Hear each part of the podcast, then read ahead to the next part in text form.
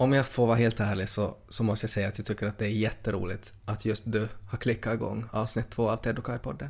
Det är ett bra val, det roligaste du har gjort idag, om du Mm. inte jobbar på cirkus kanske.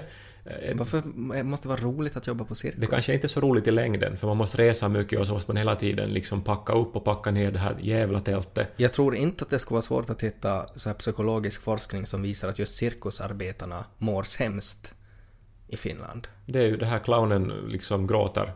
Eh, Eller hur går det här uttrycket? Det är en sån här att clownen Fabrizio så går till psykologen och säger att han mår så dåligt. Nej, vänta nu, nu spoilar jag det. Det är en man som går till psykologen och mår jätte, jättedåligt. Och så säger psykologen Om du vill skratta, du går till clownen Fabrizio, han är i staden. Cirkusclownen Fabrizio. Och då säger den här mannen, som visar sig, nej det ska jag inte heller säga. Då säger mannen, han säger Det är jag som är clownen Fabrizio. Och så ridå. Det vi egentligen skulle säga var ju att vi har skaffat en e-postadress. Ted och Kai at yle.fi T-E-D-O-C-H-K-A-J snabela yle.fi Du försöker göra en sån här pikkukakkosen posti av det här nu. Jag tycker det blir ganska bra. Ja, men inte vet jag, alltså den, det som ju är styrkan med pikkukakkosen posti är att det finns en hel generation finländare som kan adressen utan till för den här melodin var så fantastiskt bra. Så vi borde hitta på en bättre nog. Jag kommer själv inte ens ihåg melodin som jag använde. Men det spelar ingen roll. Det som ni säkert har märkt är att vi fortfarande saknar titelmelodi och istället så har vi en e-postadress. Det är inte ett substitut, men tanken är att om någon där ute som lyssnar känner sig typ, jag sitter bara hemma med min bas hela dagarna och gör ingenting. Så då kan du ju spela in en titelmelodi på din bas och skicka det till vår e-postadress och så kanske vi använder det som titelmelodi. Perfekta! Så hör av er och hör av er med vilka frågor ni än har. Blir, ni, blir ni arga, blir ni glada, så vi läser allt och vi, och vi, och vi svarar på allt. Vad har din vilda vecka gått ut på då? Nej, jag har varit på turné. Jag har varit i Nago och Korpo och pratat för högstadieelever. Mm. Hälsar du åt färgkarlen? Eh, Det, det där är lite intressant för att jag tycker ju att det är ganska spännande med färgkarlar. Vad är spännande med det då? Att det är ett ganska spännande yrke. Man kan köra fram och så kan man köra bak! Men på något vis, deras... eh, Alltså de har ju sin uniform, de har det här ansvaret. Är det på något sätt sexigt med färgkarl? Det är klart, det är otroligt sexigt. Jag bara väntar ju på att färgkarlen liksom ska... Ska närma Stanna, sig. han stannar. Det är bara, du kommer i din bil och så nickar du åt färgkarlen och så kör han ut halvvägs till Nago och så stannar han i mitten och så känner du att det börjar liksom pirra i kroppen på något sätt, det är mörkt. Så stannar han hela färjan sätter på en strålkastare som bara lyser på dig. Och så står han i sin hytt, så bara visar han med fingret och sådär kom. Kom upp i min färghytt. Och så får du veta varför han kallas färgkar. Jag tittar på den här filmen faktiskt i natt. I min ensamhet. Jag var på sits förra veckan. Jaha. Det här är mitt livs andra sits. Det var inte heller att jag inte skulle ha gillat sitsar. Det var nog, tror jag, någonting... Det var en kombination av sån här bakgrund eh, som, inte, som gick ut på att inte ha roligt. Ja, och församlingen ordnar ju ganska sällan sits. Ja, jag drack ingen alkohol. Och, så, och sen min grupp eh, som jag studerar med, svenska, så de var inte de kanske mest eh, festglada heller. Skyller du ifrån dig nu? Nej men det var nu så här, jag menar blivande modersmålslärare, Ja. Det är inte så här att Det är inte vi... de där som, som skriker efter tequila direkt. Nej. Men eh, jag var nu på sits, jag var inbjuden som hedersgäst till en sits som ordnades på Åbo Akademi. Och temat för sitsen var min roman. Jag har skrivit nu en roman som utspelar sig på Åbo Akademi och därför hade de ordnat en sån här sits. Vad roligt. Ja. Alltså en jätterolig grej att göra. Jag blev glad när jag fick inbjudan, jag var jätteglad att få åka dit och det var liksom välordnat, där var, det var bra mat, det var bra stämning, det var till och med halarmärken som var Oj. gjorda med temat min roman. Det är jättekul. jättekul alltså.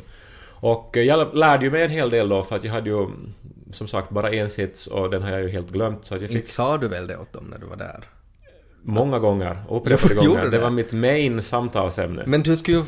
Jag menar, du, skulle, du är ju häftig och cool och hedersgäst. Ja, men nu var jag ju det ändå för att jag var ju, jag var ju så här... Jag var ju så gammal så jag... Du var som George Clooney. Jag var den här mystiska äldre herren i hörnet som Ja. alla ändå var lite intresserade av. Okej. Men eh, det här, jag skulle också hålla tal. Mm. Och eh, jag hade ju tänkt att jag ska, jag ska göra det lite roligt, för det är ju sits, det ska inte vara så här jätteallvarligt. Så jag, så jag skrev en massa skämt. Okej. Och det här har ju du och jag gjort många gånger. Så här, vi har uppträtt som ståuppare på olika håll och så här. Men ofta då just att vi har skrivit skämtet tillsammans och sen har vi ju uppträtt tillsammans. Så att vi har, vi har på något vis haft en sån här dubbel stand-up. Jag, var, jag var ju jätteosäker för jag skulle göra det ensam och jag skulle göra det för en, för en ung publik och, och eh, ja, jag var ganska nervös. Och det gick väl okej. Jag fick, tror jag, nog godkänt. Det blev applåder och så här och skratt också. Eh, Men ändå lite osäker var jag. Som man ju är när man gör någonting Ja, ensam. ja, ja, ja. Jag tänkte nu då, för att du, du ju är, är min, min, min, min goda vän och eh, också en sorts humorexpert måste man väl vid det här laget säga. Du har jobbat med humor ganska länge. Ja. Ja. Att skulle du kunna liksom lyssna på den här, min stand-up och sen kanske ge lite goda råd? Om du ser uppenbara brister i den. Okej. Så jag tänkte om jag skulle dra den här, att vi nu på något vis skulle, skulle göra den här scenen, att jag är, jag är där då i den här källaren vid Åbo Akademi. Ska jag sätta in ljud då så att det låter som att här är folk och... I- Ja, och att de har eh, roligt förstås och så här, det skulle vara jättebra. Och kanske nå så här, vill du att lite mat i bakgrunden, att folk äter lite grann medan de lyssnar. Ja. Och så här. Och eh, det här är alltså nu då jag som har studerat litteratur, som pratar till människor som studerar litteratur. Det måste du veta. Ja, ja. Precis, det är publiken. Och då kliver jag upp på scenen här och det blir folktysta. 50 personer med oklar yrkesframtid i en betongbunker. Ja, det är som en östtysk arbetsförmedling. Nej, men vi ska njuta av den här kvällen. För att nästa gång så här många blivande arbetslösa samlas i ett rum med lika dålig luft så det blir först på Staffan Bruns 60-årskalas. Nej, men vi som studerar litteratur, vi ska ju vara stolta.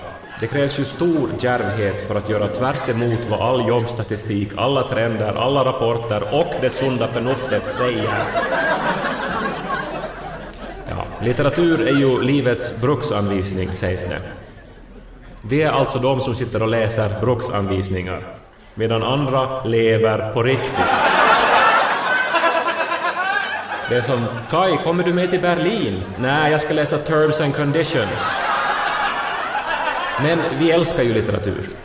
För när vi läser så upplever vi ju spänning, vi har romanser, vi reser i hela världen, vi har fantastiskt passionerade sexliv.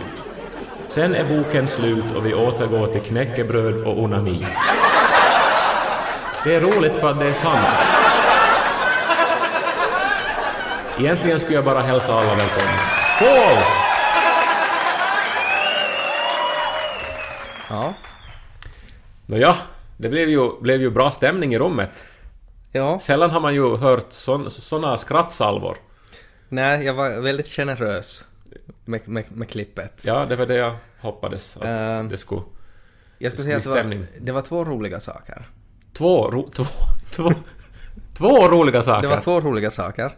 Det ena var det här med passionerat sex och att man återgår till att äta knäckebröd och onanera. Det var roligt. Och sen det andra var...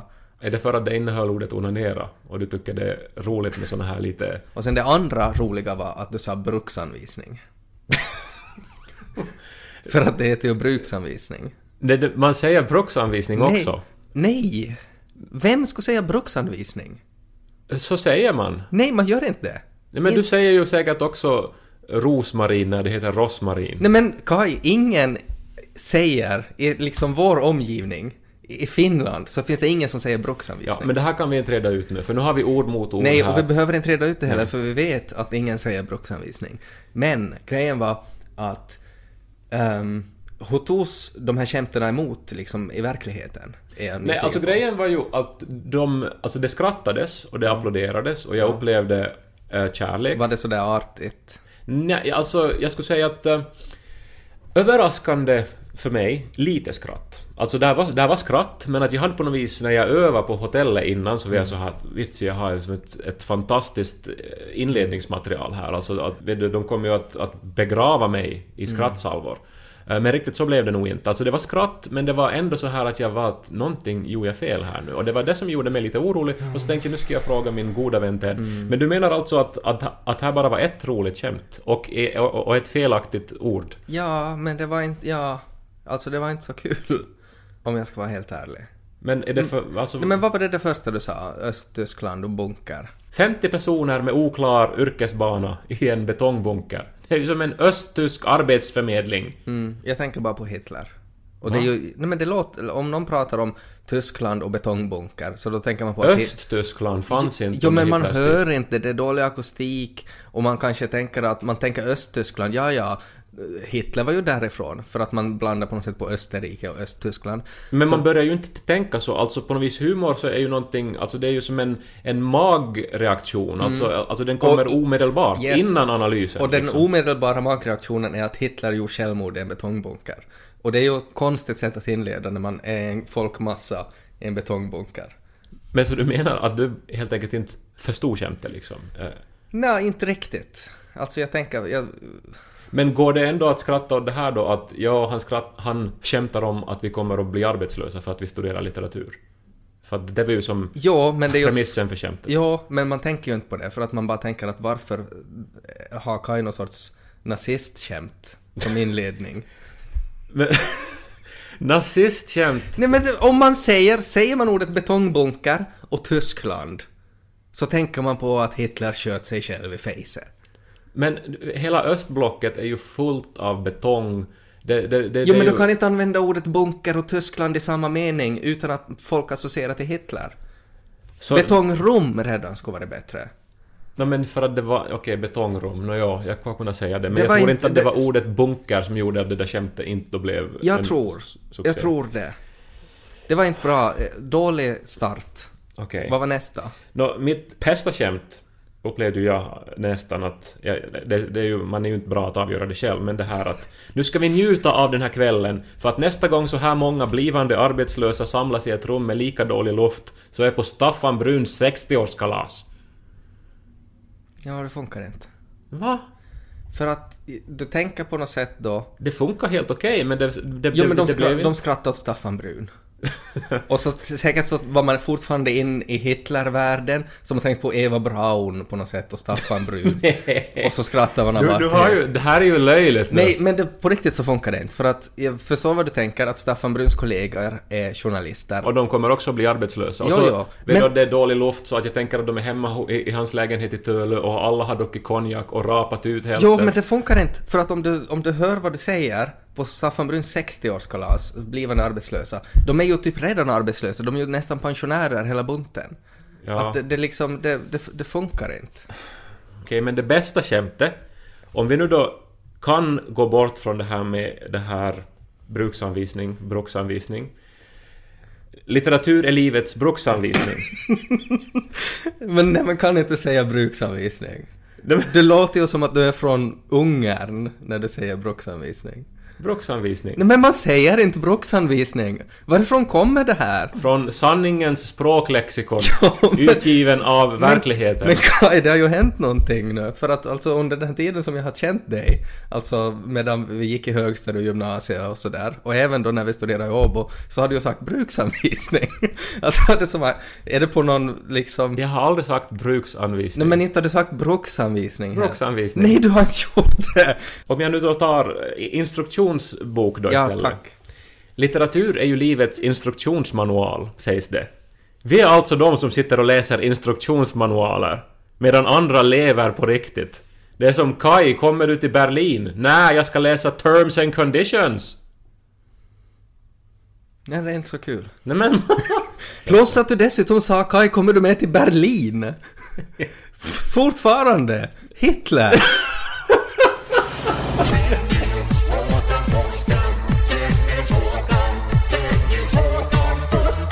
Då jag gick i korridoren på Åbo Akademi, eh, den korridor där jag befann mig under fem år nästan dagligen, alltså svenska institutionens korridor, eh, så kommer plötsligt min professor gående mot mig i korridoren. Och hon öppnar sina armar till en sorts omfamning, hon ler och hennes ögon glittrar. Och så säger hon ”Kommer du med gradun?” Och nu har vi inte setts på år. Och, och, och jag var ju så här att jag måste ju liksom fly. Att jag ville Ja. fända om och bara liksom springa därifrån. Men det är jätteroligt för hon visste ju exakt vad hon höll på med. Att man är en besvikelse. Att det blir ju det. Ja, det är ju precis det som det är. Att de har på något vis satsat sin tid på att lära mig ett ämne och på att föreläsa för mig och på att eh, vill du ge mig stöd och så här. Och sen har jag bara liksom droppat out exempel. Att nu är det någonting skamfullt med att inte bli färdig. Ja, det sitter på något sätt så djupt också. Att det här är någonting som man har påbörjat, en framtid som det var tänkt att man skulle uppnå. Men sen så har man inte gjort det. Och fastän man kan liksom rent logiskt se på saker man har gjort istället. Jag menar, du har skrivit flera böcker, håller på med helt andra saker. Jag, jag blev anställd, gjorde morgonradio i många år. Uh, att man har ju ändå gjort helt andra saker som många inte har möjlighet att göra. Och det skulle på något sätt borde vara sådär att ja, men att det är helt förståeligt då att du inte har skrivit gradon, för du har gjort det här och du har gjort det här. Men att det räknas inte. Nej, att det men- känns som att man har suttit hemma och ätit chips istället. Och det är ju ganska sant också nog i ditt fall. Ja, det är det. Eh. Det, det är det. Chipsmeckat Forsström. Mm, det står så på dörren när de kommer med sin leverans. Det är alltid, alltså, du, du håller åtminstone ordning på det där med chips. Nu var det senast jag var hemma hos dig, så det första du sa när jag kom in så, så var att nu ska vi prova kantarellchips. Ja, Och så har du köpt alltså chips som smakar kantareller och jag... Jag, jag, ju, alltså, jag, jag hålls ju up to date med de nya smakerna. vä- jag tycker väldigt mycket om chips. Men just de där kantarellchipsen så måste ju ha smakat likadant som vi smakar i våra professorers munnar. För att de var en besvikelse. Ja, eh, om vi återgår till Åbo Akademi så, så gick jag också in i det här rummet där det finns en, en stor bokhylla i fint trä. Och eh, där förvaras då alla avhandlingarna som har skrivits på institutionen. Och där var ju de här böckerna då inbundna i läder i fina färger med guldnamn på ryggarna. Bekanta namn som Mm, jag har studerat med mina klasskamrater. Årtal när de är färdiga. Och, och sen på K så är det liksom Nåja, men nästan som att de har det där reserverat Ja. en, en, en, ett, Här ska Kai Korkeahos otroliga pro-grado-avhandling sättas in. Men nu är det liksom spindelnät. En sak som ändå lite tröstade mig var att jag sen stött på eh, en litteraturlärare också som sa att i introduktionskursen till litteraturvetenskap denna höst, som alla elever måste läsa, så har min senaste roman varit tentlitteratur. Oj. Och det är ju... Det är ju, det är ju lite roligt. Men samtidigt är det så här att okej, allt jag nu då har gjort med mitt liv resulterar i en tentfråga. Ja. Liksom, som, som eventuellt är ja eller nej. Men har du tänkt på det? Att vilket förhållande man har till tentlitteratur i allmänhet är ju att man hatar både författaren och texterna. Och att ju gladare författaren ser ut på porträttet i boken så desto mer hatar man honom eller henne för att, det, att man måste läsa det här till en tent. Och det gör att man, fakt- man på riktigt liksom, man, man har så starkt hat. Och sen så sitter man ju och klottar i böckerna också. Så jag ser Ja. nu framför mig då att, att såna här frustrerade litteraturstudenter som sitter med onda boken så har liksom ritat ett streck på O. Så det onda baken står det på allihopa. Bara för att de hatar den här boken så mycket.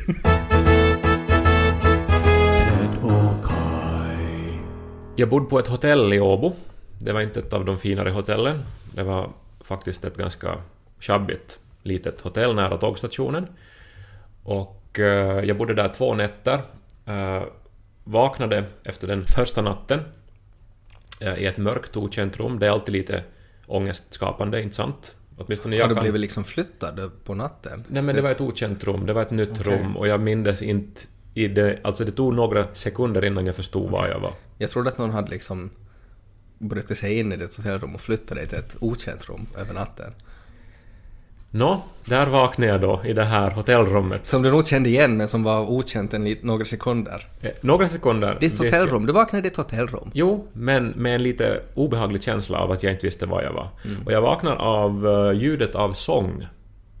Mhm. Ekodränkt sång. En kvinna som sjunger utan ackompanjemang. Och jag... Vad är det som händer liksom?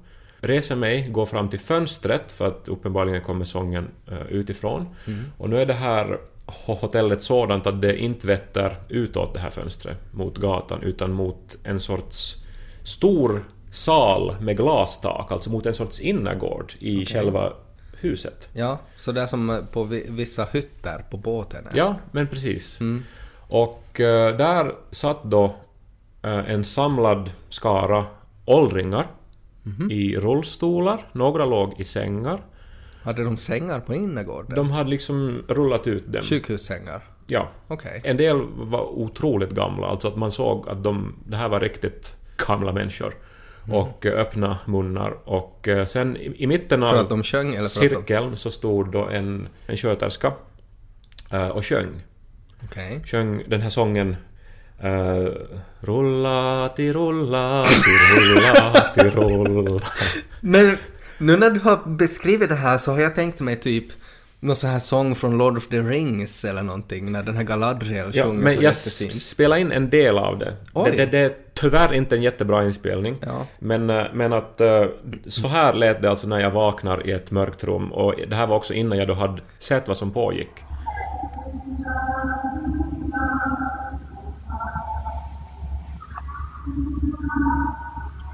Och jag satt och betraktade den här scenen eh, ett tag och kände mig dels ganska så här varm. En del av de här åldringarna i rullstolarna så rörde på sina händer rörelser så här och jumpade och antar jag på något sätt. det var väl någon sorts... Ja, men sen också förstås så, så blev jag ganska så här vemodig också för det var ändå lite vet du, livets förgänglighet och så här och att eh, tiden går och man blir bara äldre och så vidare.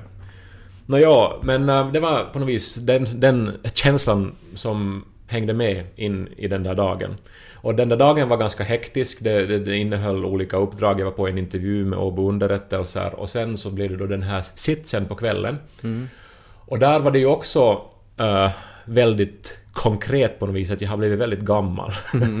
Vet du, för att till exempel min bordsgranne, en jättetrevlig tjej som hette Rebecca, så det visade sig att, att jag eh, och hennes pappa eh, har suttit i samma styrelse.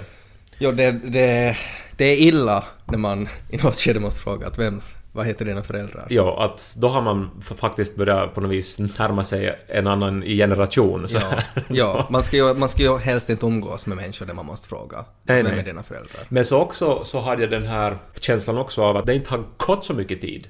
För att allting vid Åbo Akademi, allting där såg väldigt bekant ut och det var samma anslagstavlor, det var mm, samma personal och... Samma och så, lapp att kopieringsmaskinen är sönder. Precis, den har fortfarande inte reparerats. Och den här amanuensen med grå hår satt där. Alla som har gått vid arken minns, Han, minns han minns föddes honom. sådär, han såg likadan ut när han var noll år. Ja. Men, men så att jag blev medveten om att tiden har gått, men Mm. samtidigt var känslan att det här kunde lika gärna ha varit igår. Mm. Det har samtidigt inte gått någon tid alls. Jag har blivit tio år äldre på en sekund liksom. Mm. Och eh, sen så drack vi ju och snapsade och det var roligt och jag glömde allt sammans och det här och jag var där sent, det blev eftersläpp efter sitsen och jag rumlade hem eh, kanske vid tre tiden till mitt hotellrum och somnade. Och sen, eh, jag är inte van med, med, med sprit, alltså ren sprit. Det, det, det är inget, inget för mig egentligen. Och jag undviker det oftast, men nu hade jag hällt i mig en hel del. Så jag vaknade med en sån här, en sån här Kent-krapula. Sån här att man är livrädd för att leva och dödsrädd för att dö. Och eh, det är mörkt i mitt rum och jag har en massa tankar på, vet du, att oj, jag har blivit gammal, var är jag? Vits, jag mår skit. Och sen så vaknar jag då till det här ljudet. Tänk om jag nu egentligen vaknar upp i en av de där sängarna. Precis så kommer det att kännas nä- när man är så där gammal som det hade känts på den där sitsen. Att ja, livet har nog gått men samtidigt så känns det som att igår jag var ung och nu, nu ligger jag här. När, när blev min kropp så här gammal? Exakt. Det var passande just den där låten, är, alltså sången. Rulla till rulla till rulla till rull. Alltså hela det här att livet är ett hjul som bara snurrar och snurrar och snurrar och man kan inte göra något åt det. Tror du att sköterskan tänkt på det när hon valde vilken barnsång de ska sjunga? Om hon skulle ha tagit in sig Vimse Spindel istället så skulle du inte alls ha haft dödsångest. Jag läste igår en artikel om att eh, det var en eh, fastighetsskötare kring, han var typ 75 Mm. bor i Helsingfors, dog. Hölls begravning, ingen kom. Det var en, en, alltså en tom kyrka där han begravdes. Det var bara prästen som ändå pratade, även om ingen var där. Och sen så stod det vidare i artikeln så stod det att varje vecka hålls det sådana begravningar i Helsingfors. Att folk dör och det finns ingen som kommer dit. Och det här är ju om någonting ett argument för att stödja kyrkan. Idag ska man ju skriva ut sig, människor gör det till en, till en grej att ja, jag hör inte till kyrkan, jag skrev ut mig för länge sedan och jag är glad att jag inte hör till den där gamla institutionen. Men här är en, ett, en funktion som verkligen behövs. I en eh, Skiffy-roman så var det ett koncept där man kunde vara en speaker of the dead. Det fanns inte präster utan det fanns en speaker of the dead. Eh, som vid varje begravning så skulle den där människan prata om hurudan människa har det här varit. Så att, att det var, den här Speaker of the Dead var en sorts Staffan Brun liknande person som snoka allt vad den där människan har gjort som har dött. Prata med släktingar som finns, prata med vänner som finns, hur de, vad de minns, prata med arbetsgivare, allting. Alltså som en detektiv tog reda på allt om den här människan. Allt gott, allt ont, precis allt. Och vid begravningen så ställde sig Staffan Brun upp och sa Mauno, han var inte en så kiva typ.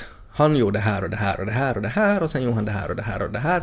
Och så fick alla som var där, alla begravningar var liksom öppna för vem som helst. Så får man dit och så lyssnar man liksom på, på den här storyn. Att det blev ju som en bok som berättades. En, en sorts biografi om den här människan. Det tyckte jag var ett bra koncept. Men vad hemskt då att, att människor som förmodligen inte hade känt Mauno så jättebra, då ska sitta där och bedöma och re Yes. recensera Jo, hans jo men, liv. men det var ju det som inte, inte måste man bedöma och recensera, men att det var, det var liksom verkligheten, det var sanningen. Nej men det är, ju, det är ju... Hur, hur hittar man sanningen om en människa? Man vet ju inte ens sanningen om sig Nej men själv. det var det som var grejen med den här Speaker of the Dead, det var därför han alltid om någon sa någonting som inte stämde överens med vad någon annan hade sagt, så då måste han hitta vad var sanningen. Det var liksom det som var hela målet, att hitta den här sanningen. Alltså jag tror att min mardröm och en ännu större orsak att höra till kyrkan, för min mardröm skulle vara att på min begravning så kommer Staffan Brun och har varit liksom och snokat i min e-postinkorg och, och hitta vad han nu kan ha hittat då. Staffan Brun kommer att ställa sig upp i kyrkan och så kommer han säga Ser ni vad jag har i den här lådan? Och så kommer han att skaka på den och så skramlar han Rollonbollar! Och så slänger han ut det i kyrkan.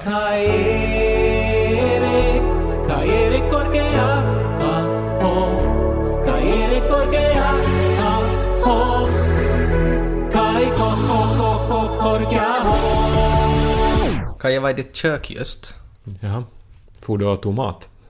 Nej, jag minns, jag minns bara att när jag var liten så hade jag en kompis som eh, var hemma till oss ganska ofta och alltid då och då så gick han ut i köket och hämtade mat ur kylskåpet och åt utan att fråga eller och meddela. Var han någon sorts så här free gun? Alltså någon sån här... Det finns sån här veganer som bara äter ur roskisar. Att han hade någon sån egen livsstil där han bara äter kompisars mat. Kanske.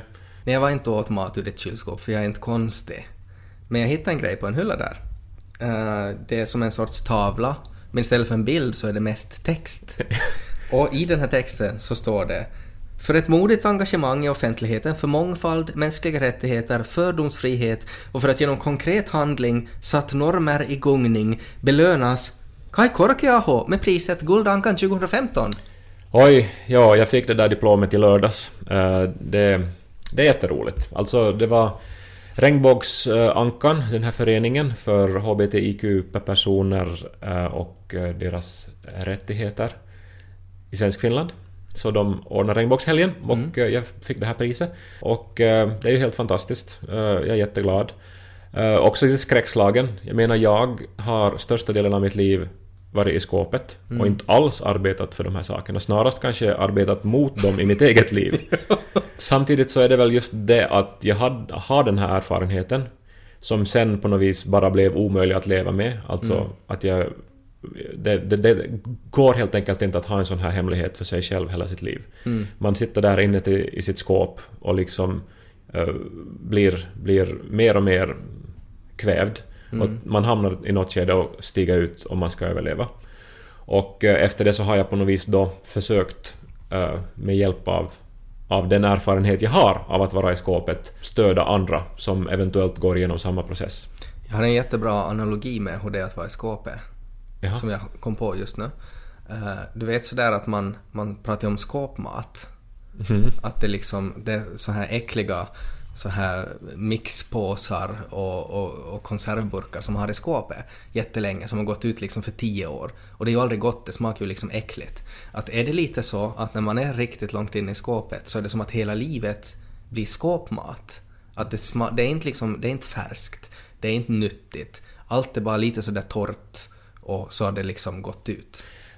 Lite exakt så är det att livet mister sin lyster. Att allting, Precis. allting blir så här lite äckligt. Ja, skåpmat. Ja, jag, jag, jag köper det här. Bra.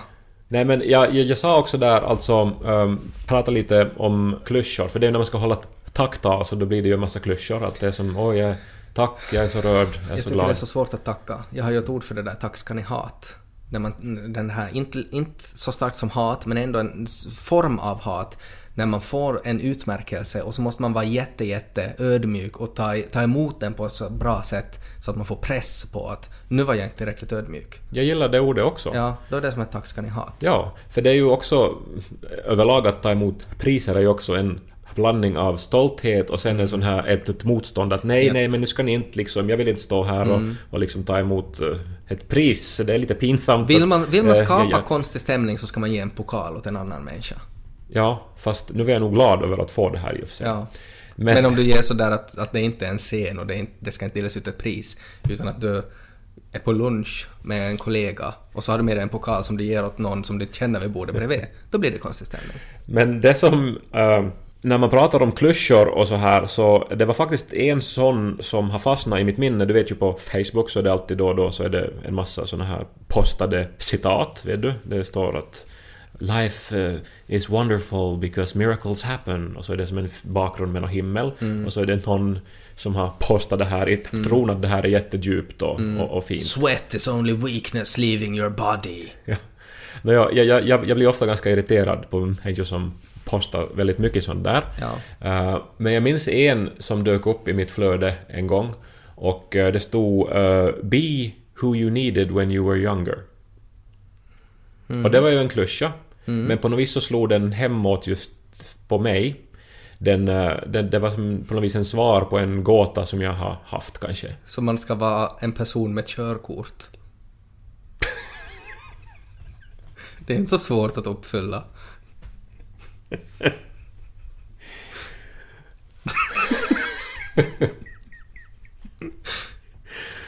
Oj. Uh, så såg jag aldrig på det, men på ett plan så var det ju just det, det man behövde när man var ung. Men jag be... Jag tror att om vi allihopa tänker på att vi i vårt vardagliga liv ska vara den som vi behövde när vi själva var unga, så då kommer världen att bli en bättre plats. Du vet, eh, det här uh, fähus kan man ju säga, men det finns ju ett lite finare rikssvenskt ord också för det. Ladugård. Du säger fel. För att enligt ditt uttalsregler så skulle man säga laggård. Eftersom du säger bruksanvisning. För nu har jag kollat upp det där. Och bruks är precis samma sätt som att säga laggård. Ted var alltså jättelänge på Vessa just. Det var, det var det här du satt och läste. Jag, jag tror att Brooks är det enda sättet att säga det här på. Nu ska jag ringa Svenska Yles språkstöd. Ja. Som vet eh, om man kan uttala bruksanvisning. Nå, hon om någon borde ju veta. Hej Minna, det här är Ted Forsström. Hinner jag ställa en, en riktigt snabb fråga åt dig? Um, det här, Speaker. är det okej om jag sätter dig på speakerphone? För att jag håller på att banda in en podcast här och jag, uh, Kai Korkeaho, författaren Kai Korkeaho och jag så är mitt i en, en språkstrid för tillfället. Och jag känner att, att du är den enda som kan rädda det här. Är det okej att jag sätter dig på speakerphone? Det som vi alltså diskuterar är hur man uttalar ordet bruksanvisning. Som Kai alltså påstår att man ska uttala bruksanvisning. Eh, jag säger bruksanvisning. Mm, det säger jag också. Men Kai hävdar Ja. att, alltså att man ska säga bruksanvisning. Okej, vad, har, vad bas- baserar han det påståendet på? Säg att jag baserar det på sanningen och fakta. Kai säger att han baserar det på sanningen och fakta. Okej, jag är på väg till en ordbok här. Men Mm. vi ska se vad solboken säger. Nu märker jag att jag kanske, det kanske märks att jag är uppvuxen på landet. För att den första, det finns faktiskt två olika sätt att uttala det. Det första som finns i Svenska språknämndens uttalsordbok så är faktiskt brux det som Kai säger.